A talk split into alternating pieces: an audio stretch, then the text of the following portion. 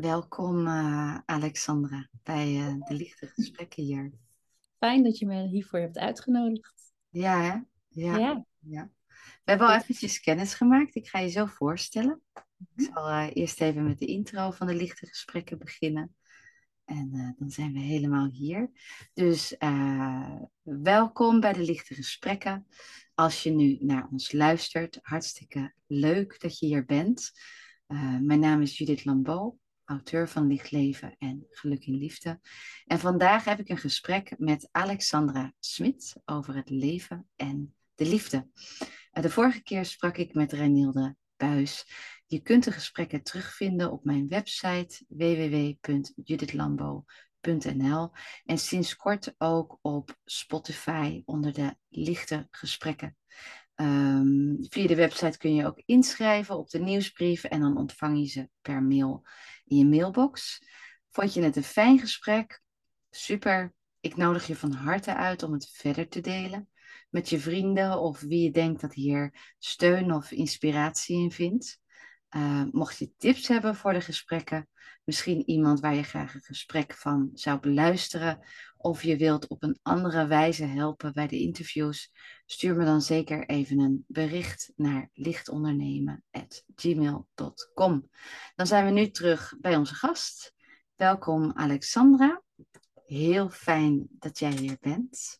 Yes. En uh, ja, we hebben iets over om over te praten, over de liefde en het leven. Yes. ja, heerlijk ook, uh, Judith, om met jou in gesprek te gaan. Uh, ik heb een paar lichte gesprekken heb ik geluisterd. Mm-hmm. En uh, jij bent zo heerlijk kalm. En volgens mij kunnen wij wel een goed gesprek hebben samen. Dus ik, kijk, ik keek er ook echt naar uit, naar dit gesprek. Ja. Ik zei het net al even tegen je, hè? en ook voor wie luistert. Ik vind het eigenlijk altijd weer spannend, zo'n gesprek omdat het toch redelijk spontaan altijd zijn weg vindt. Hè? Het is een beetje go with the flow. Uh, wat gaat er naar voren komen? Waar wil de aandacht naartoe? En, uh, maar één ding weet ik zeker, Alexandra. Toen ik jouw post op Facebook zag over je boek. En uh, we hadden even contact met elkaar. Dan is de liefde toch wat we met elkaar delen hier. Zeker. En ik durf zelf wel te zeggen dat iedereen de liefde deelt. Ja als uh, ja, toch wel een soort van energievorm die door alles heen gaat op het moment dat je je hart opent en er naar kijkt. Mm. Mm-hmm. En uh, in zo'n hele vluchtige maatschappij waar we in leven, word je continu afgeleid. Ik denk dat we dat allemaal wel herkennen. Waardoor dat hart niet altijd even open staat. Um, en je dus ook minder met je hart kan kijken. Dus als het gaat over de liefde en wat ons allemaal verbindt, ben ik van mening dat het er altijd is. Um, en dat is denk ik een groter begrip dan de romantische liefde, waar mensen het dan heel vaak over hebben, die zeker niet onbelangrijk is en daar ook natuurlijk deel van uitmaakt. Maar dat is wat ons allemaal verbindt, naar mijn mening. Mm -hmm. Mooi, mooi. En ook om het hart erbij te betrekken, hè? want dat is waar we het kunnen, kunnen voelen en Absoluut. Absoluut. Ja, ja. Nu, ja, sorry. Ah, ja, ja. Jij gaat binnenkort iets bijzonders doen. Jouw boek uh, naar buiten brengen. Ja, nou. heel spannend. en dat is niet jouw eerste boek, Alexandra? Nee, dus je zou denken, dan wordt het minder spannend. Het is mijn vierde boek. En het is hmm. denk ik, uh, ik heb het nog nooit zo spannend gevonden. Mm. Ja. Het is namelijk ook mijn meest persoonlijke en meest kwetsbare boek. En uh, ik moet zeggen dat mijn tweede boek, 100 dagen dankbaarheid, was ook al heel kwetsbaar. Maar dat was toch nog redelijk veilig. Want dat ging over mijn zelfstandig ondernemerschap en hoe ik aan het worstelen was daarin uh, om het beter te krijgen.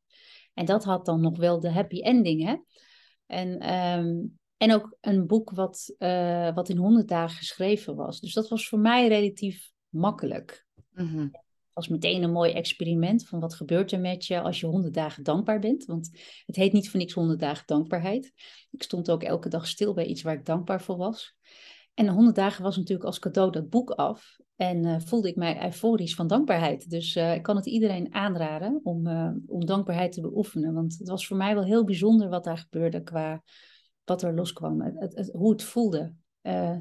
Ik moet ook zeggen dat ik die mate van dankbaarheid en die euforie van dankbaarheid, die heb ik daarna niet meer zo ervaren.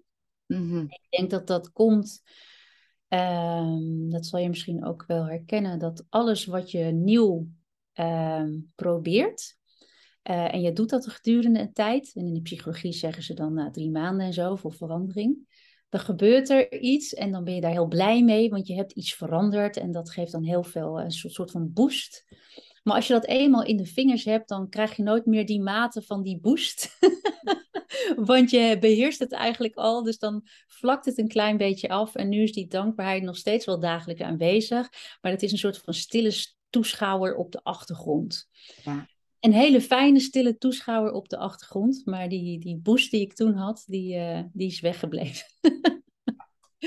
ja is zo herkenbaar. We praten er straks verder over jouw nieuwe boek. Ik heb het hier even opgeschreven. opgeschreven. Dat heet Leven, liefhebben en loslaten. Dat klopt. Exact. Ja, ja. ja. Oké. Heel mooi naar het vervolg. En even terugkomend op wat je zegt, hè, van die um, zo'n periode dat je je openstelt voor die dankbaarheid, 100 dagen dankbaarheid ik, ik, ik, ik vind dat echt wat je zegt. Denk ik, oh ja, wauw. Dat is, dat is heel tof, hè? Want ik heb geluk in liefde. In, uh, dat was de challenge om dat in 90 dagen te schrijven. Oeh, wauw. Dat is ook een challenge, ja. En dat was 90 dagen ja zeggen op alles in mijn leven. Alles dat naar mij toe zou komen in die 90 dagen. Dat te maken had met liefde, relaties en geluk. Wauw. Ik heb dat boek gelezen, Judith. Ja, jij hebt hem gelezen inderdaad. Zo kennen we elkaar. Ja, ja, ja, ja. ja. En mijn laatste punt die stond na 60 dagen. En 30 dagen daarna, in die 30 dagen daarna, was het blijkbaar samen met een vriend ook nog helemaal geëdit. Dus kon ik het naar de uitgever sturen. Uh, maar um, die, die openingen, die deur die ik in die 90 dagen toen heb opengezet, van lieve gids, God, ik zeg ja op alles dat jullie mij aanreiken dat te maken heeft met de liefde, relaties en, en, en geluk. Mhm. En um, dat heeft zo'n ontzettende stroomversnelling teweeggebracht. Dat ik af en toe nog wel eens denk van, maar aan mij, maar zo open als ik toen stond, zo diep en overtuigd ik toen was van die ja op alle situaties die naar mij toe kwamen, die heb ik daarna niet meer op die manier hetzelfde kunnen ervaren. Maar het is wat jij zegt inderdaad. Misschien dat dat dan op een zekere manier al geïntegreerd raakt in je systeem, waardoor je dat, hè, uh, uh, dat je ook vanuit daar weer verder kan. Absoluut. Het is, uh, het is al aanwezig in je systeem.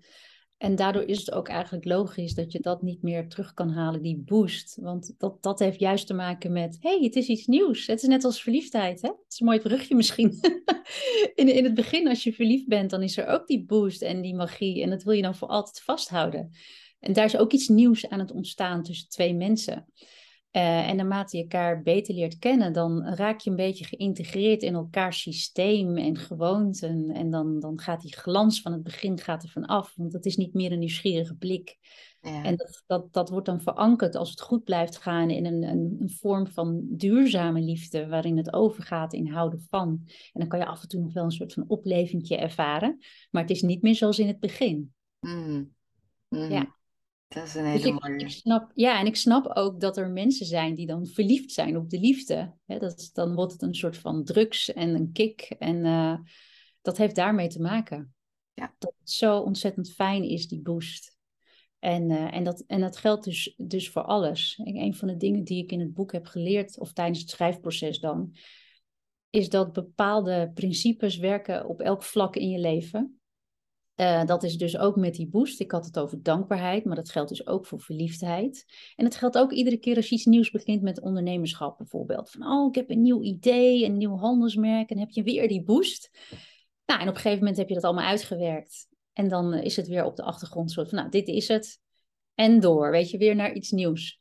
Uh, en, en, en die vertraging inbouwen van in plaats van en door en naar iets nieuws, is denk ik ook een van de dingen die ik heb geleerd. Want dat is belangrijk. Dat je even stilstaat bij wat is er nu eigenlijk gebeurd de afgelopen periode? Ehm, of wat heb ik bereikt of juist niet? Mag daar even bij stilstaan en erin zitten en voelen en dan pas door. Mm -hmm. Wat, voel, wat, voel, ik er eigenlijk bij? En uh, het is een hele gejaagde, vind ik toch wel, maatschappij. Zeker als je, net als ik, in Amsterdam woont. Het is de hele tijd dat, dat, dat ja. jagen bijna. Ja. ja. En daar was ik wel een beetje klaar mee. ja. Dus ik heb dat boek uh, gedurende drie jaar geschreven, waarin natuurlijk ook corona voorbij kwam. In een periode waarin ik ook bewust aan het vertragen was. En uh, sowieso had ik een, een mini sabbatical gepland. Ik zou naar Amerika gaan, ik zou zelfs naar Tony Robbins gaan. En dat ging allemaal niet door, omdat uh, ja, de pandemie was gearriveerd. En die had een beetje mijn mini sabbatical gekaapt. En toch ook weer niet, want ja, ik kon even geen trainingen geven. Dus ja, het was anders, maar misschien was het, um, nou, misschien was het op een bepaalde manier wel beter dan naar Tony Robbins gaan. En ik moet ook zeggen dat ik er geen behoefte meer aan heb. ja, ja, voilà. ja, dus uh, ja. Prachtig, prachtig. Want je gaf net aan, hè, van misschien is het wel spannend, het meest spannend om dit boek uh, hè, naar buiten te laten gaan. Ja. Lezen te laten worden, omdat het ook uh, zo dicht bij jou is. Het gaat over jouw leven, omdat je je daarin kwetsbaar hebt, hebt opgesteld. Ja. Uh, als ik het dan heb van, ja, ik weet, soms wil een boek ook gewoon geschreven worden. Maar ik weet ook wel dat er bij jou uh, motivatie en drijfveer achter zat. Hè? Van, zou je daar eens iets met ons over willen delen? Ja, Um, om even bij het begin te beginnen, want die motivatie en drijfveren die zijn ook veranderd. Mm. Um, aanvankelijk dacht ik, ik heb in het verleden toch een boek in 100 dagen geschreven en dat maakt voor mij zoveel verandering uh, wat dat teweeg brengt. Uh, dat wil ik nog een keer, want ik, voel me, ik voelde me nogal depressief, moet ik zeggen, um, omdat ik worstelde met accepteren dat ik nooit moeder ging worden. Hè, een van de grote thema's in het boek is ook ongewenst kinderloos zijn. En ik dacht, uh, net als voorheen, ik dacht van, nou ja, ik moet dit kunnen veranderen. Ik heb dat in het verleden ook gedaan. Dus ik besluit dat weer te doen. Niet beseffende dat ik daarmee eigenlijk in de weerstand ging. In plaats van in het voelen ging van, hoe is het nou eigenlijk voor mij dat ik nooit moeder zal worden? dat dat plaatje waar ik aan hechtte van, nou, er komt een periode dat ik een gezin heb, uh, nou, huisje, boontje, beestje, alles wat erbij hoort. Eigenlijk zoals we geconditioneerd zijn, vanuit de kleins af aan. Ik weet nog dat mijn ouders altijd in het begin uh, jaren twintig, die zeiden, die hadden het altijd over van, uh, wanneer worden wij nou zo opa en oma? In mijn twintige jaren al, kan je nagaan. En dat vond ik heel irritant. um, dus nou ja, dus vanuit die conditionering dat plaatje. En ik dacht van, ja, ik voel me daar nu depressief over. Ja, het gaat gewoon niet gebeuren. Ik ga het boek schrijven. En met het boek reken ik af met die depressie. Uh, en ik ga gewoon honderdduizend dingen doen. Dus heel erg die doelmodus, hè, die mannelijke energie, die toch wel sterk ontwikkeld is bij mij. Die ga ik gewoon inzetten en dan uh, klaar. Nou ja, tijdens het schrijven um, brak uh, de pandemie uit. Dus ja, dat, dat mannelijke energie, daadkracht, dingen doen, dat, dat ging al sowieso niet meer. Want ja, hè, uh, ik ging in lockdown. dus er viel niet zoveel te doen. Uh, waardoor ik gedwongen werd om naar binnen te keren, nog veel meer zelfs. En ik er ook achter kwam dat er heel veel verdriet en rouw nog onverwerkt was over die onvervulde kinderwens. En de reden dat dat niet verwerkt was, was omdat ik in de periode dat ik uh, daar een punt achter had gezet, uh, ik verliefd werd Um, nou ja, op een man die, uh, ik noem hem in, de boek, in het boek De Brandweerman, de liefde van mijn leven. En um, je zou kunnen zeggen dat dat een soort pleister was op een wond die nog niet volledig was gaan bloeden. Mm.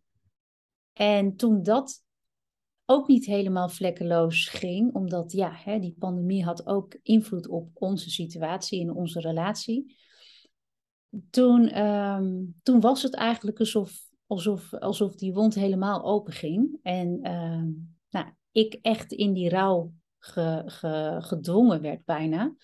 En toen moest ik me er ook aan overgeven. En ehm, toen moest ik ook constateren van jij, jij, jij voelt je gewoon te lang somber. Uh, toen ben ik zelf nog naar een psycholoog gegaan. En die zei op een gegeven moment tegen mij van... Uh, ja, ik, ik weet niet zo goed of ik jou kan helpen, want jij snapt cognitief alles. Dus cognitieve gedragstherapie, ja, ik zie daar niet echt de meerwaarde voor in. Dus heb je er wel iets aan? En toen zei ik van, nou, ik vind het eigenlijk al heel erg waardevol dat ik gewoon deze gesprekken die ik dan wekelijks eh, kan voeren of twee wekelijks, dat dat een soort ankerpunt is in deze periode waarin ik gewoon heel veel verdriet en somberheid ervaar. Dus zo heb ik de, de, de therapiesessies met die psycholoog heb ik, uh, heb ik uh, beschouwd. En dat gaf natuurlijk ook een beetje voor voor, voor het boek wat ik aan het schrijven was. Um, maar ik moest gewoon steeds meer loslaten. En daarom heet het ook leven, liefhebben, loslaten ik zou, zou durven beweren, het proces van het schrijven van het boek en eigenlijk mijn persoonlijke ontwikkeling in die drie jaar, was ook A, hoe kan ik weer voelen dat ik leef en ehm, hoe, hoe leef je überhaupt? Uh, nou, mijn eindconclusie daarvoor is, uh, leven doe je al, daar hoef je niks voor te doen, je hoeft het niet uit te vinden, het is gewoon wat je doet. Ja. Uh, liefhebben, um, nou, dat gaat, dat gaat ook over de liefde voor jezelf. Dus het proces wat ik daarin volgde was, uh, eerst was ik helemaal gefocust op die liefde van die relatie en, en hem eigenlijk. En ik belandde uiteindelijk in mezelf, ik moest wel. En daarin had ik heel veel zelfcompassie en, en liefde voor mezelf. Van, hé, hey, wat heb jij allemaal meegemaakt de afgelopen jaren? Weet je, laten we daar even bij stilstaan. Laten we er even over rouwen, laten we er even verdriet over hebben. Dat mag allemaal. En um, ja, dus er kwam heel veel zelfcompassie bij kijken. Maar loslaten, dat ging heel erg over die plaatjes loslaten van elke vrouw wordt moeder. Ja, natuurlijk, je weet ergens dat dat niet waar is. Mm maar dat wordt je niet, tenminste in ieder geval niet bij mij op de middelbare school, was het niet echt een onderwerp. Hè? Uh, eigenlijk nergens was dat een onderwerp. Je mhm. wordt gewoon als vrouw toch wel in een beeld neergezet. En als man trouwens ook dat je op een gegeven moment een levenspartner moet vinden met wie je kinderen gaat krijgen. En dat beeld wordt dan ook nog eens een keer zo neergezet van als dat gebeurt, dan moet je bij elkaar blijven, want je hebt kinderen. Dus er worden heel veel conditionering losgelaten. Uh, en dan denk je van, oh, dat is een spontaan beeld van mezelf. Maar dat is natuurlijk niet waar. Dat is iets wat je van kleins af aan meekrijgt. En dat beeld moest ik wel loslaten, omdat ik nooit aan het plaatje kon voldoen. Ik kon daar niet aan voldoen vanwege de ervaringen waar ik geen invloed op had, namelijk uh, ineens geen kinderen kunnen krijgen, terwijl ik altijd gedacht had dat dat zou gebeuren. Ik kon daar niet aan voldoen, omdat ja, ik heb uh, meerdere relaties gehad, meestal van vier, vijf jaar. Dus iemand tegenkomen voor de rest van je leven en daar vijftig jaar mee zijn, kon ik al niet aan voldoen. Dus het enige wat ik kon doen is loslaten. En daar heb ik nog steeds af en toe worstelingen mee, want we hechten aan plaatjes. Maar ik dacht, um, tot pas twee maanden geleden eigenlijk heb ik een klap gegeven op, oké, dat boek moet er nu uit. Dit jaar, 2022, het boek moet er nu uit. En de motivatie, die drijfveren waar je het over had, die veranderde dus van, uh, ik wil mij met dit boek weer mijn leven zeg maar op orde krijgen. En, en weer die boost, die gelukzaligheid, die euforie die ik met 100 dagen dankbaarheid had. Dat veranderde in van nee, ik wil met dit boek laten zien aan de lezer, dit is hoe het leven is. Het was in ieder geval het leven voor mij op dit moment. En waarin ik uh, die wijsheid heb ervaren van uh, het loslaten van plaatjes helpt je om te veel teleurstelling te ervaren en te veel uh, frustratie. Het, het, het, maakt het beeld op het leven wat realistischer. Dat wil ik doorgeven. En ik wil graag die, kinderloze, die kinderloos zijn uh, uit het taboe trekken. Want ik had, um, ben er zeven jaar mee bezig geweest met kinderen krijgen. Allerlei manieren. Ik had A, eerder willen weten wat je kan doen als zoiets uh, speelt. Hè, wat zijn alle opties die je hebt? Um, en ik had er meer met mensen over willen praten. Terwijl nu was het toch heel vaak, je zit ergens aan tafel met collega's of zo. En mensen hebben het over hun kinderen. Nou, jij probeert uh, eigenlijk, oh, is de lunch al voorbij? Weet je, je voelt je toch een beetje ongemakkelijk. Mm. En, en natuurlijk heel vaak die vraag van, heb jij kinderen? Ja, dat brengt toch iets teweeg. Dan moet je iets antwoorden. En je wil ook niet alles vertellen aan iedereen. Maar de vanzelfsprekendheid, die wil ik een beetje aan de kaak stellen. Van wees bewust dat niet iedereen kinderen kan krijgen, niet iedereen kinderen wil krijgen. En wees je daar bewust van dat dat voor die mensen soms heel pijnlijk is om, uh, nou ja, om maar te doen alsof dat voor iedereen vanzelfsprekend is. Mm. Lang antwoord, Judith. Ja, maar het is zo mooi en, en zo herkenbaar. Hè? En dat, dat is ook denk ik waarom we hier nu ook samen zitten. Omdat voor mij, ik ben 42 en dat is een levenssituatie die ik heel erg herken. En de laatste jaren, op mijn 36e ontmoette ik, uh, ontmoette ik een fijne partner waar ik het gevoel had van ja, hier wil ik kinderen mee krijgen. En ik had altijd al gezegd van ik wil kinderen, maar met de juiste partner. En ik ga het niet op een dusdanige manier forceren. Uh, ik, ik, wil dat samen met iemand Ehm, en vanaf dat moment begonnen eigenlijk de strubbelingen. Uh, ik wilde zo graag, zo graag zwanger zijn. Dat iedere maand hè, dat ik ongesteld werd, uh, had ik veel verdriet eigenlijk. En nog een periode ook hoop en verdriet. Totdat ik op een gegeven moment merkte, hey, de, mm, het verlangen hier begint op een dusdanige manier pijn te doen. Dat dat eigenlijk, ja, dat ik voelde van, ja, wat, wat, hoe zit dat nou hè, met ons en, en verlangens die we hebben? On, oningevulde verlangens. En inderdaad, dat, het staat ook samen, valt samen, denk waar jij het mee over hebt. De conditioneringen. Hè? Het, loslaten van die uh, geprogrammeerde conditioneringen. En ik, ik heb daar nog steeds moeite mee, want dat plaatje zit nog steeds in mijn systeem.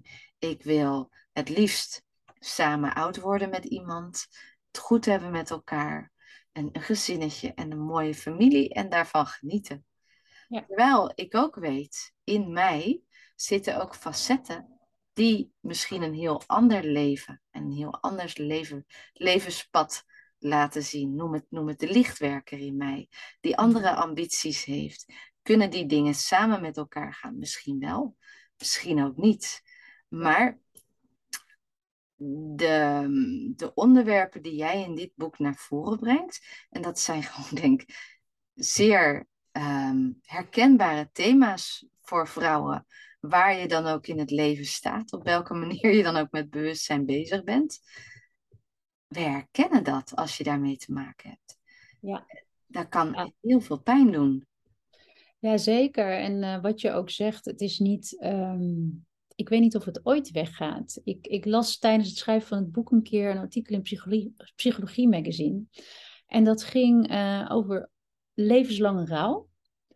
En dat is de rouw die levenslang is, omdat je steeds in situaties bent, in verschillende levensfasen, waarin je herinnerd wordt aan datgene wat uh, voor jou nooit zal gebeuren. Um, en in, in dat artikel ging dat over een, een vrouw die had een, een verstandelijk gehandicapt of ja, een kindje gekregen.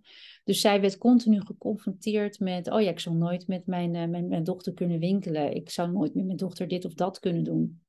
En dat gaat ze natuurlijk blijven houden. Ook naarmate dat, dat kind en zij zelf ouder worden. Want zij ziet om zich heen al die dingen die zij nooit met haar dochter zal kunnen meemaken.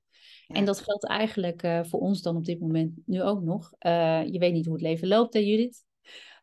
maar je hebt gelijk. Um, dat, dat plaatje waar je dan aan hecht, zoals je ze heel mooi zegt, dat komt door die conditionering. Maar ik denk dat het ook wel meer dan dat is. Want al, het kan ook gewoon een diep vervulde wens voor je zijn. Of noem je dat? Um, ik voelde altijd correctie. Ik heb het toen ik jong was niet gevoeld. Dus toen ik een tiener was, was ik echt niet bezig met uh, dat moederschap. Ik was bezig met overleven. Mijn, mijn opgroeisituatie was niet heel fijn. Dus ik was bezig met overleven. En in mijn twintigjarige, twintige jaren was ik bezig met inhalen van mijn jeugd. Dus toen was ik er ook niet heel actief mee bezig. Maar daarin was ik wel wat bewuster van, oh ja, als ik, als ik klaar ben met het inhalen van mijn jeugd, dan wacht mij een periode waarin ik wat serieuzer in het leven sta en dat gezinnetje ga hebben. Dat was wel ergens in mijn achterhoofd. En toen dat ging spelen, ehm, dat was in mijn uh, dertige jaren. Ik denk vanaf mijn 35ste heel bewust. Toen voelde ik ook echt het verlangen naar een kindje krijgen. Dus ik voelde echt het verlangen naar het moederschap. En ik voelde ook van, ik ben daar nu klaar voor. Ik heb nu alles gedaan wat ik wilde doen. Mijn carrière staat op de rit. Dus ook uh, conform de ontwikkelingspsychologie, was een klein beetje een laadbloeier door mijn jeugd, was ik er klaar voor en zou dat een vanzelfsprekendheid zijn. En dat bleek het niet te zijn. Dus ik had te maken met die plaatjes waar je aan hecht, maar het was ook een soort van zielsverlangen. Ja. ja. En dat is lastig los te laten. Dus ehm, ja, ik ben moeder van vier boeken en een kat. Wat zeg je nu? Vier? Vier boeken. Ah, vier boeken, ja. ja moeder van vier boeken en een kat. Ik dacht op een gegeven moment, je kan het leven natuurlijk op verschillende manieren doorgeven. Je kan het fysiek doorgeven, letterlijk het leven doorgeven. Maar je kan ook je levenswijsheid doorgeven. Je kan liefde doorgeven. Ehm, en die moederlijke energie kan je natuurlijk voor heel veel dingen inzetten. Mm. Dus uh, ja. Goh, dat is inderdaad. Dat is, ik heb nu het beeld, beeld voor me hè, van uh, dat voorbeeld dat jij net aanhaalde. Van die vrouw die bij wijze van spreken door de winkelstraat loopt. En dan uh, zich realiseert van god, dit zal ik nooit met mijn dochter kunnen doen. Omdat die er nooit gekomen is. Um, ik heb ook wel eens zulke momentjes dat die naar boven komen.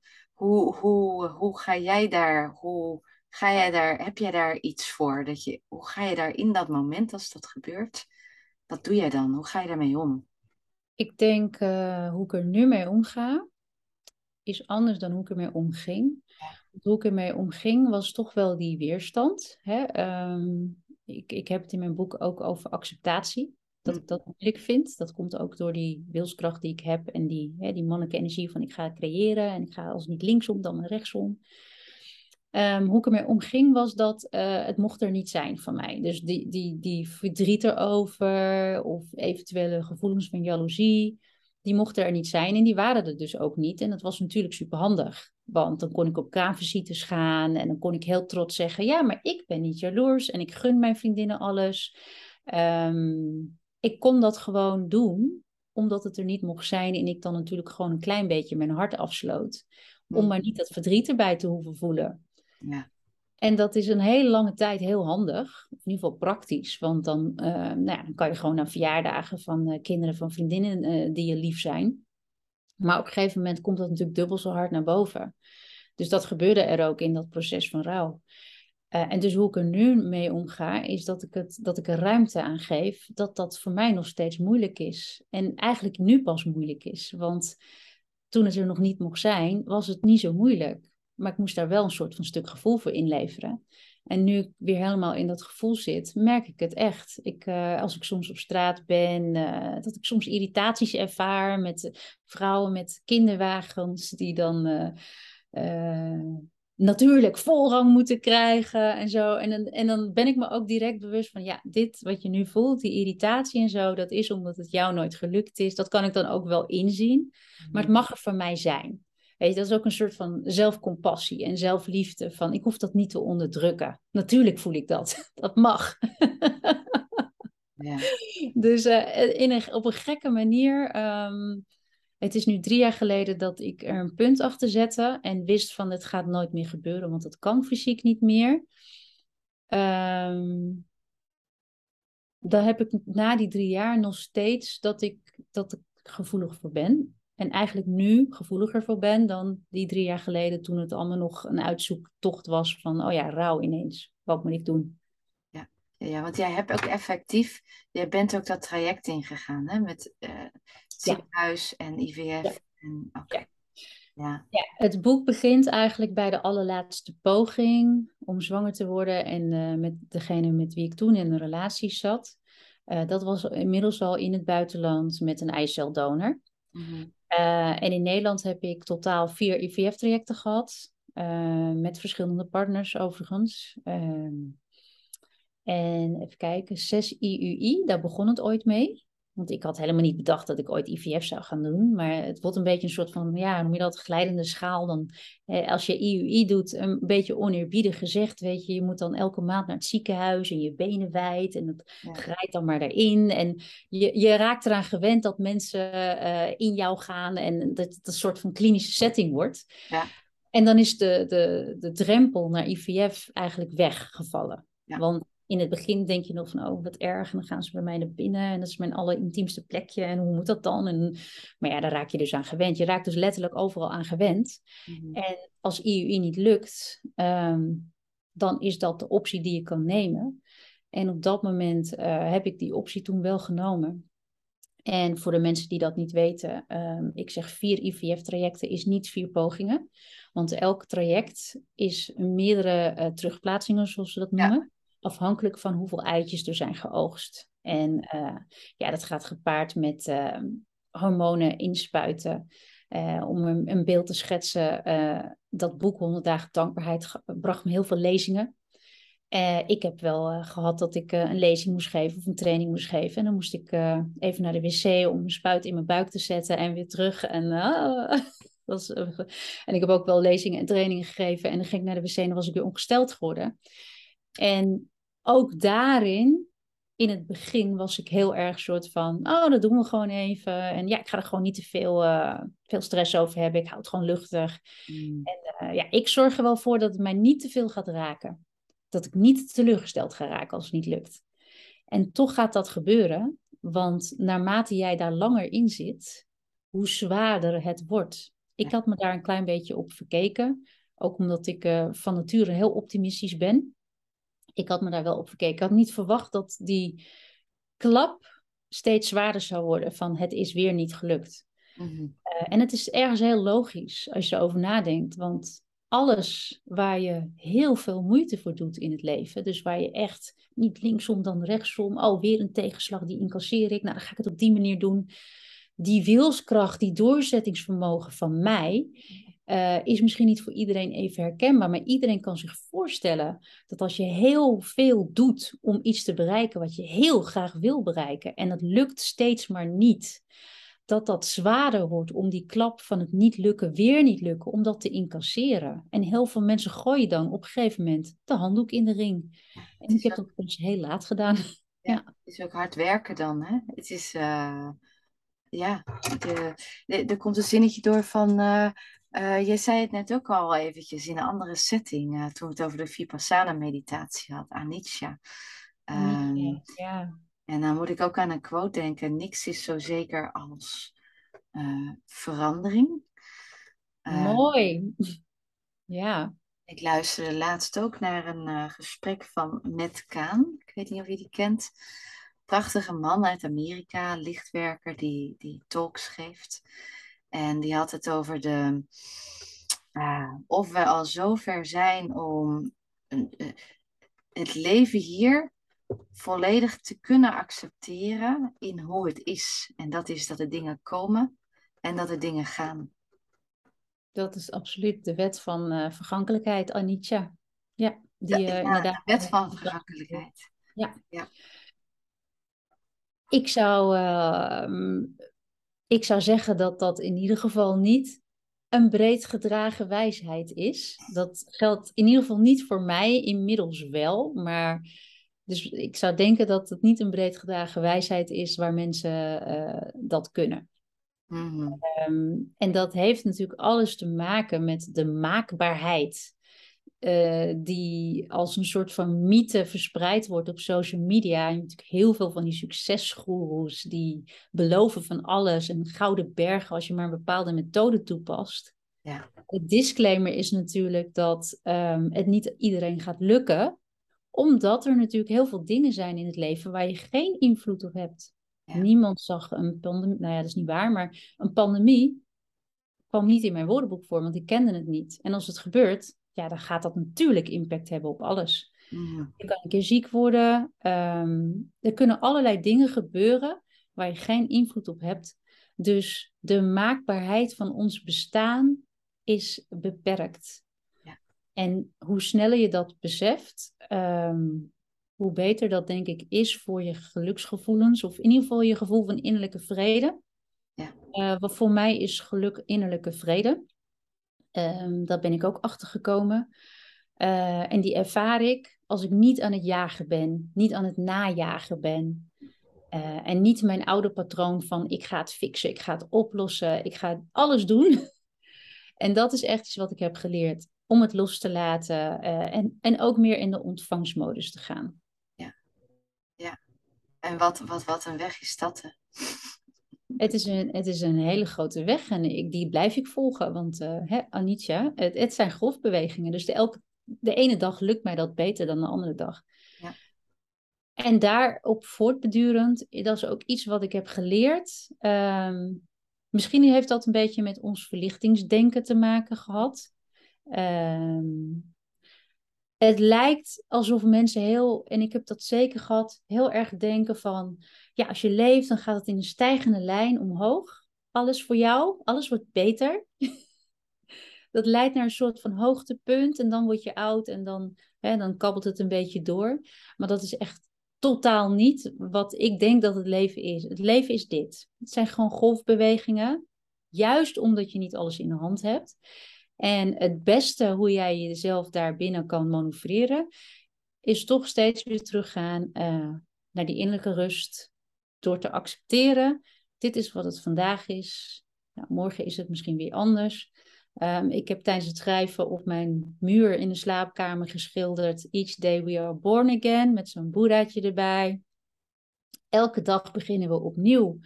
En dat vind ik ook zo mooi aan de dag. Ik ben me daar zo bewust van. Als ik wakker word, ben ik me heel erg bewust van dit is een nieuwe dag. Nieuwe dingen. Uh, wat er gisteren is, was gisteren. Vandaag is vandaag. Ja, en in die golvende beweging van, van het leven, hè, van het komen en gaan.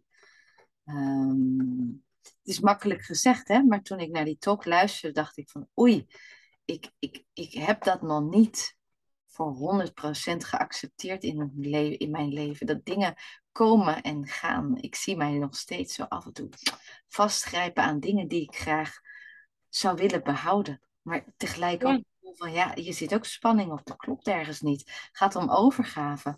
En in die golvende beweging die je zo mooi uitlegt, zie ik dan ook een, een, een verdieping en wel een, ja, hoe zou ik bijna zeggen, een stijgende lijn naar beneden. Mhm van een rijping en een verdieping. Hè? Als je daarvoor kiest om van jouw ervaringen uh, um, wijzer te worden of jezelf beter te leren kennen, um, meer jezelf durven zijn. Uh, binnen het aspect van hoe die golvende bewegingen ons eigenlijk kunnen helpen. Ja. Daar daar, een, een, daar wel een, een groei of een, een stijgende lijn in te vinden, als het ware. Ja, en ik denk ook dat dat je leven lang een zoektocht blijft en dat dat ook past bij het mens zijn. Ehm, dat vinden van jouw weg in die golfbewegingen. En dat het begint denk ik überhaupt met het bewustzijn dat het golfbewegingen zijn en dus niet die stijgende lijn. Maar wel juist die verdiepende lijn waar jij het net over had. Ehm, ik denk dat elk mens in zijn leven steeds meer naar binnen gaat keren. Of in ieder geval komt er een periode waarin je daartoe uitgenodigd wordt. Ik zeg ook heel vaak als uh, vriendinnen komen met iets, met, uh, met, uh, met een probleem of iets dergelijks. Dan begin ik vaak mijn antwoord met: Het lijkt erop dat het universum je uitnodigt om puntje, puntje, puntje, puntje te doen. Oh, wat mooi! Ja, ik, ik, ik zie alles als een uitnodiging van het universum om iets uh, te leren of iets in te zien of je ergens bewust van te worden. In plaats van dat ik het meteen afbrand als iets van, uh, nou dit is slecht of dit is negatief. En uh, nee, het universum nodigt me ergens toe uit. Het kunnen ook positieve dingen zijn overigens. Hè? Het hoeft niet altijd iets met een lading of zo te zijn. Maar dus zo zie ik het echt. En dat komt vanuit een basisvertrouwen, die overigens ook in golfbewegingen bij mij aanwezig is. ja. Dat het universum geen oordeel heeft en in de basis het goed voor heeft met je. Het universum veroordeelt jou niet en heeft in de basis is het een soort van beschikbaarheid. Um, wat met jou meebeweegt. En daarin zitten heel veel andere schakeltjes vast, want je bent natuurlijk niet alleen op de wereld. Dus, uh, en, en dat kan dan tegenwerken of meewerken. En ja, hoe meer je in die overgave zit van uh, ik weet wat ik wil. En dan kan ik heel erg moeite voor doen. Of ik kan iets meer soort van, ja, universum weet het nu ook. Mm. Laat ik eens beginnen met mijn blik open te zetten voor wat ik wil. In plaats van dat ik meteen ga hollen en een strategie ga uitzetten. Uh, wat natuurlijk goed is als je een ondernemer bent. Maar op een gegeven moment kan je dat ook wel weer loslaten. Mm. In het vertrouwen van, uh, ik heb nu ervaring. Ik weet eigenlijk al hoe ik dingen moet aanpakken. Ik hoef er niet meer heel veel moeite voor te doen. En dat is waar ik nu zit. Ik wil niet meer heel veel moeite doen. Mm. Dat stukje heb ik al geleerd. Wat natuurlijk onverlet laat dat je wel een klein beetje moeite moet blijven doen, want anders kan het universum je ook minder goed helpen. Ja, ja, ja. En dus je, moet wel, je moet wel iets de wereld insturen. En daarna mag het gewoon uh, op je afkomen, bij wijze van spreken. Dus in het kader van het boek, ik moet natuurlijk wel een persbericht uh, de wereld insturen. Ik moet natuurlijk wel, mensen moeten natuurlijk weten dat het boek bestaat. anders gaat het ook niet zomaar gekocht worden. Dus de dingen die daarvoor nodig zijn, heb ik heel braaf gedaan. En dan nog kunnen er dingen gebeuren. Ja. Dat is zo'n beetje, uh, want je vertelde dat net inderdaad ook. Um, over de, hè, de behandelingen dan, om zwanger te worden. Ja. ja, dan je kiest ergens voor en je neemt ook wel daar de nodige acties voor. Ja. Um, als ik daar naar luister, dan denk ik wel eens, oh, ik heb wel eens bij mij twijfel. Ik heb voor mezelf heel duidelijk gezegd, ik ga dat traject niet aan. Mhm. Ik, ik, ga het accepteren zoals het komt, maar ik heb wel een onderzoek laten doen en ze hebben uh, endometriose in mijn baarmoeder verwijderd. En ze zeiden van eigenlijk vanaf nu zou jij perfect zwanger moeten zijn. Zou geen probleem moeten zijn, maar het is niet gebeurd. Nog niet. Nog niet, nog niet. Wie weet. maar dit is een tricky ding, hè? Dit is ja, I know. I know. I know. maar het is ook, het is ook waarheid, toch? Uh, we kunnen niet toekomst kijken. Dus het gebeurt wel of het gebeurt niet. Ja. Maar we kunnen eigenlijk niet 100% zeker zeggen dat het niet gebeurt. Alleen dit is inderdaad een tricky ding. Want als jij gaat hechten aan die hoop, ja tegelijkertijd ben je daar ook mens voor. Je kan niet de hoop uh, volledig uit je systeem uh, slopen, want hoop is juist daar waar je inspiratie uit put. Ja. Dus leven zonder hoop is ja, misschien ook wel een gebrekkig leven. Ja. Ja, zo kan je dat ook. En inderdaad, de hoop of het verlangen op het moment dat het echt pijn gaat doen, dan, dan heb je er wel naar te kijken. Want dan, dan, dan hangen we er te veel van ons geluk aan. En dan zijn we weer in de toekomst aan het leven, op, op de hoop van de toekomst, wat mij ooit in een burn-out denk heeft gebracht. En dan weer eventjes terug naar hier. Ja, wat er dan bij mij opkomt, is, is dat niet het moeilijkste om voor jezelf uit te vinden wanneer is er nou sprake van een gezonde hoop, ja. dan wel een gezonde verlangen naar iets, want je mag toch als mens naar iets verlangen. En wanneer wordt het ongezond voor je? Ja. Dat uitvinden is volgens mij al een hele, hele zoektocht. Ehm, en waarschijnlijk een van de mooiste levenslessen die je als mens kunt hebben. Wanneer is het gezond, zodat ik het moet loslaten, of uh, dat ik het niet hoef los te laten, maar gewoon kan ontvangen? En wanneer wordt het ongezond, zodat ik het beter kan loslaten, omdat het ongezonde mij schaadt? Ja. Of misschien zelfs het in de weg staat om het te ontvangen. Ja. En dat geldt natuurlijk voor de liefde net zo goed. Ja. Um, en dat, dat is een zoektocht op zichzelf. Ja, dat is een balansoefening. Uh, dat, ja. dat voelde ik ook. Ik heb dus niet verdere stappen ondernomen om, om toch zwanger te kunnen raken of moeder te kunnen zijn binnen het medische circuit. Uh, voor mij is het af en toe wel eens de vraag van, goh, ga ik hier niet te veel in overgave? Hè? Zou ik niet wat meer acties mogen nemen om het gewenste doel als het ware te bereiken. Maar dat is, die, dat is ook die fine-tuning. Hè? Enerzijds van waar slaat hoop om in een, een, een vasthouden en een lijden met de lange ei. Waar vind je een gezonde balans? Waar mm. vind je een gezonde balans tussen overgave versus ook actie om ergens ook te geraken? Ja. Als ik um het eerste wat er bij mij, mij opkomt, is dat het ook te maken heeft met wat is het gevoel wat je voelt bij wat zich manifesteert. Dus daar bedoel ik mee, ik kan een verlangen voelen en dat kan goed voelen. Ik ga een voorbeeld geven. Ik houd even als voorbeeld van de liefde. Ehm, stel, ik heb mijn geliefde al heel lang niet gezien. En dan kan ik een, soort van blij, blijdschap in mijn hart voelen, verlang voelen als ik weet van morgen kom jij daar zit niks ongezonds. Dat voel je namelijk in je hart en daar is niks ongezonds bij. Ja.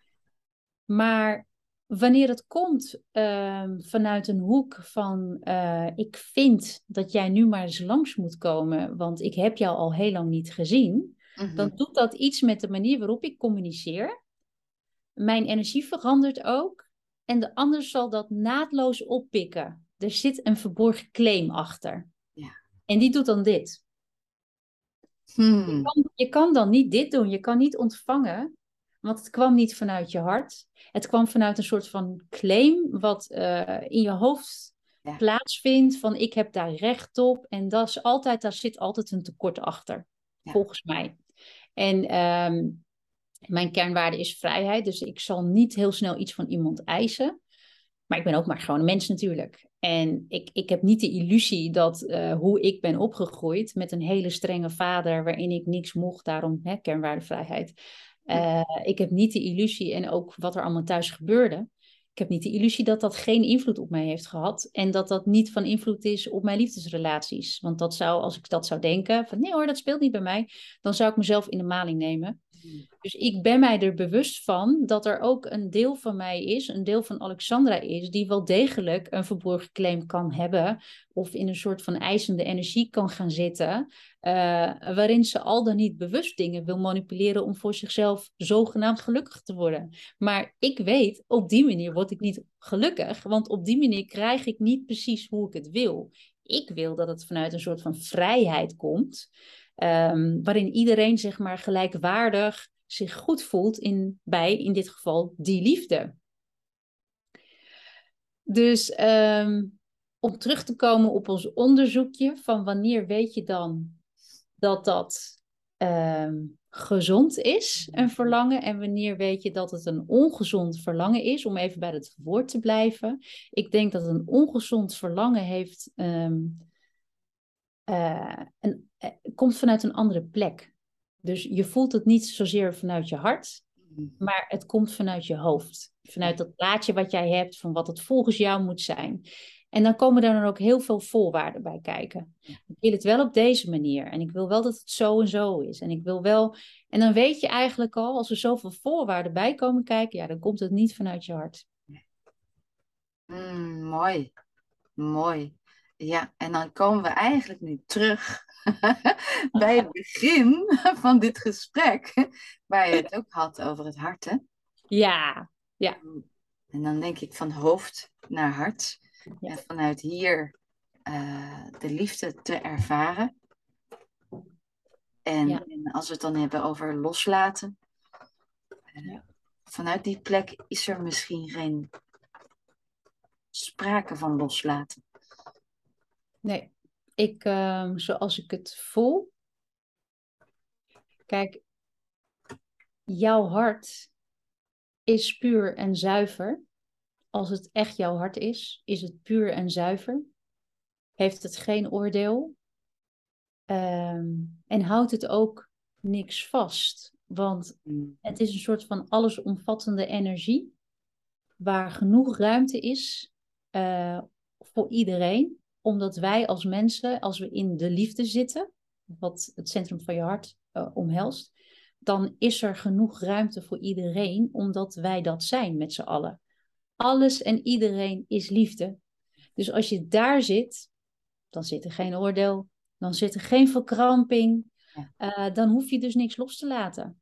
Hmm. Op het moment dat het hoofd mee gaat doen en uh, mentale constructies over het zou zo moeten zijn, het is, en ik dit en dat en tekorten en behoeftes, en dan, dan, dan zit er een soort van kink in de kabel, zoals de emotiepsycholoog heel mooi zei. Uh, dat was uh, iemand die mijn boek had tegengelezen en we hebben een mooi gesprek gehad. Zij zei, dan zit er een kink in de kabel tussen je hoofd en je hart. En toen dacht ik, ja, dat is inderdaad wat het is. En dan kan je die kink kan je wel oplossen met een oefening. Je kan op dat moment ervoor kiezen om het even weg te ademen. Ja. En dan is er weer ruimte om je hart te voelen. En dan voel je weer vrede. Wat in mijn ogen geluk is. Geluk is eigenlijk niet dat gevoel van euforie. Dat is ook weer een soort van emotie, denk ik meer. De, het echte geluk zit in een soort van vrede in je hart. Dat je weer voelt van, oh ja, ah, dit is vrede, dit is fijn. Het is gewoon heel fijn, maar ja, heel veel mensen denken natuurlijk dat het in die pieken zit. En, en dat, dat had ik ook met het lezen van jouw boek. Ik denk, oh, waar gaat het naartoe? Waar gaat het naartoe? Waar gaat het naartoe? Aha, oké. En dat is het mooie, dat vind ik het mooie aan, aan dat ik het al mocht voorlezen. En, ehm, en uh, om echt een, een, stuk in te kijken in jouw leven, fase in jouw leven, uh, wel te verstaan. Um, en, en ja, we hadden het er al eventjes over. Hè? Denk aan, aan, aan een film, aan een, een prachtig romanboek. Ergens wil je een, een happy end. Eind goed, al goed. Ja. En dat vind ik het bijzondere aan dit boek. Het is een, een, periode uit jouw leven en aan het einde denk je, oké, en er is van alles gebeurd. Het zijn allemaal ervaringen geweest. En die ervaringen blijven doorgaan. Ja. het zijn die golfbewegingen, ja. ja. Ik vind het ook heel mooi wat je zegt. Van, uh, oh, hè, waar gaat het naartoe? Nieuwsgierigheid, wat je altijd hebt hè, in een verhaal, in een boek. Um, en dit is natuurlijk een dagboek. Dus uh, ik had hem fictief, veel fictiever kunnen maken, zodat uh, er catharsis plaatsvond, hè, zoals ze uh, in termen van Aristoteles mogen praten. Dus dat mensen dan, oh ja, dat hebben we achter de rug en nu is het gelukkig geëindigd. waarmee ik natuurlijk niet wil zeggen dat het ongelukkig eindigt, maar het is anders. Het is, um, het is gewoon hoe het leven is. En dat is wat ik met dit, ik ook qua vorm in het boek wilde, wilde laten zien aan de lezer. Dus eigenlijk word je als lezer meegenomen in het proces van, oh, oh, waar gaat het naartoe? Nou, dat is precies wat ik ook had tijdens het schrijven. Waar gaat het naartoe? Ik ben benieuwd. Het gaat natuurlijk wel goed eindigen. En uh, ja, en dan, en dan gebeuren er dingen. Dus dat is even alles wat ik erover uh, over ga zeggen. ja. maar ja, en dat, is, dat doet mij ook denken aan uh, toen ik mijn eerste boek schreef, Geluk in Liefde. Dat was voor mij ook een totale zoektocht naar, ja, ik had al een paar relaties achter de rug en ik wilde het bijna opgeven. Ik denk, ja, misschien moet ik maar in een ashram stappen en mijn leven aan God gaan wijden. En, maar het is ook zo fijn om samen te zijn en een arm om je heen te voelen en ja. een heilige bedding met elkaar te ervaren. Dus ik was eigenlijk in, in een soort van, je zou kunnen zeggen, innerlijk conflict.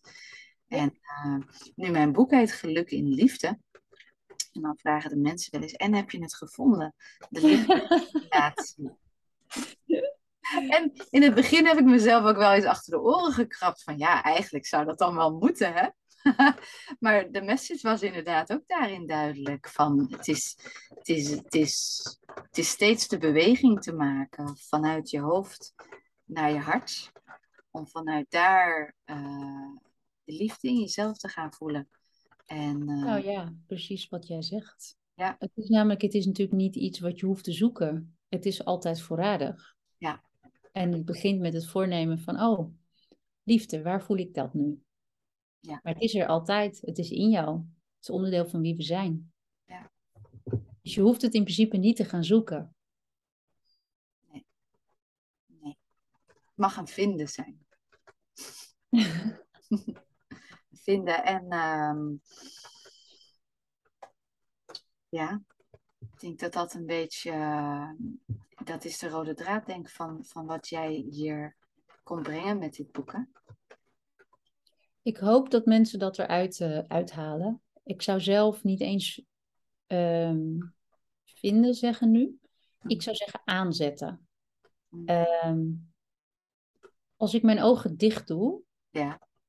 dan zie ik jou niet. Dan zie ik mijn huiskamer niet meer. Uh, maar ik heb nog steeds ogen om mee te kijken. Dus het enige wat ik hoef te doen is mijn ogen openen. Dus als ik zo doe, dan zie ik jou niet. En nu zie ik jou. En zo zie ik het ook een beetje met de liefde. Dus um, het enige wat het is, is je zet je hart aan, bewust aan. Je hart kan je ook niet wegdoen, die heb je ook gewoon. En dan voel je het. Wow, zo mooi. Zo mooi, Alexandra. Ja, ik, ik wil jou echt. En nee, ik, ik zeg dat verkeerd. Nee, ik, ik, ehm, ik wens dat veel mensen uh, de weg vinden naar jouw boek. Ik, ehm, ja, ik wens dat de mensen voor wie het boek geschreven is, inderdaad hun weg naar het boek vinden. Het is met mijn liefde gegeven aan die mensen. Ja, um, ja dat, uh, dat uh, wens ik. Ja, dat mag gebeuren. ja, ja. En, en dan klopt het. Dan is het goed. Dan uh, hebben we het, het, boek, wat jij in het boek hebt verwerkt, en de juiste personen elkaar gevonden. Juist. Ja, ja. mooi. Voilà. Um, ja, ik voel dit was zo'n mooi ronde cirkel, dit gesprek. Zeker, ja. Um, dat we hier uh, rustig aan kunnen, kunnen afsluiten. Is er nog iets waarvan jij zegt van goh, daar heb ik nog niet gedeeld en ik vind dat wel waardevol om, om even mee te geven als we het hebben over misschien wel het thema van jouw boek, leven, liefhebben en, en loslaten. Ja. Of, uh, ja. Even denken. Um, ik denk uh, twee dingen. Eentje is heel praktisch, dus dat doe ik op het einde even. Um, en het eerste is vertrouw gewoon op wat er is. En klinkt een beetje leeg misschien. Um, maar iedereen, ongeacht wat je functie is in het leven en ongeacht of je wel of niet een kind mag krijgen, iedereen is waardevol ik geloof heel erg in iets kleins kan iets groots ten, uh, tot stand brengen. We zijn zo met elkaar verbonden in een soort van net.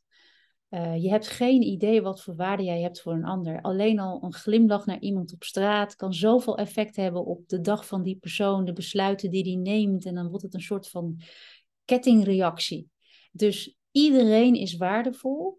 Um, en ook als je met mensen schuurt, Um, is dat de bedoeling? Want als je met mensen schuurt, dan zal je uh, een ander nog meer bevestigen in wat hij wel of niet wil. En datzelfde geldt voor jou. Dus alles is waardevol. Uh, het conflict is waardevol. Uh, elkaar er herkennen en erkennen is waardevol. maar jouw jouw leven heeft sowieso betekenis. Ook als jij het even niet ziet zitten. Jouw leven heeft gewoon betekenis. Mm -hmm. Dus dat is denk ik de belangrijkste boodschap die ik nog even mee wil geven. En het tweede praktische is, ik kan me misschien voorstellen dat mensen het boek willen kopen. Ik heb het in eigen beheer uitgebracht. Je kunt het rechtstreeks bij mij kopen. Uh, en de website daarvoor is alexandrasmitproducts.nl. Daar staan al mijn boeken op. Dus uh, ga daar maar gewoon even lekker rondwandelen als je daar interesse voor hebt. Uh, ja, en, en, kijk maar. Dus eh, kijk maar wat het brengt. Heel mooi, dankjewel. En zou jij nog eens dat zinnetje willen herhalen dat jij in dit gesprek hebt gezegd? Um, wat was dat als iemand iets tegenkomt in zijn leven dat uitdagend is? Of wat, het, wat was het? Waartoe nodigt het universum jou? Of het lijkt erop dat het... Het universum, het lijkt erop dat het universum je uitnodigt om puntje, puntje, puntje, puntje, puntje. Dus afhankelijk van, van wat het is. Uh, dus met, om een voorbeeld te geven, uh, jij benaderde mij voor, voor dit interview, uh-huh. gesprek. Um, het lijkt erop dat het universum mij uitnodigt om meer over mijn boek te gaan praten. Over de thema's, uh, dat het tot uiting mag komen. Ja. Prachtig. Ja. Wow. Dankjewel, uh, Alexandra. Jij bedankt. Het was een heel fijn gesprek. Dankjewel.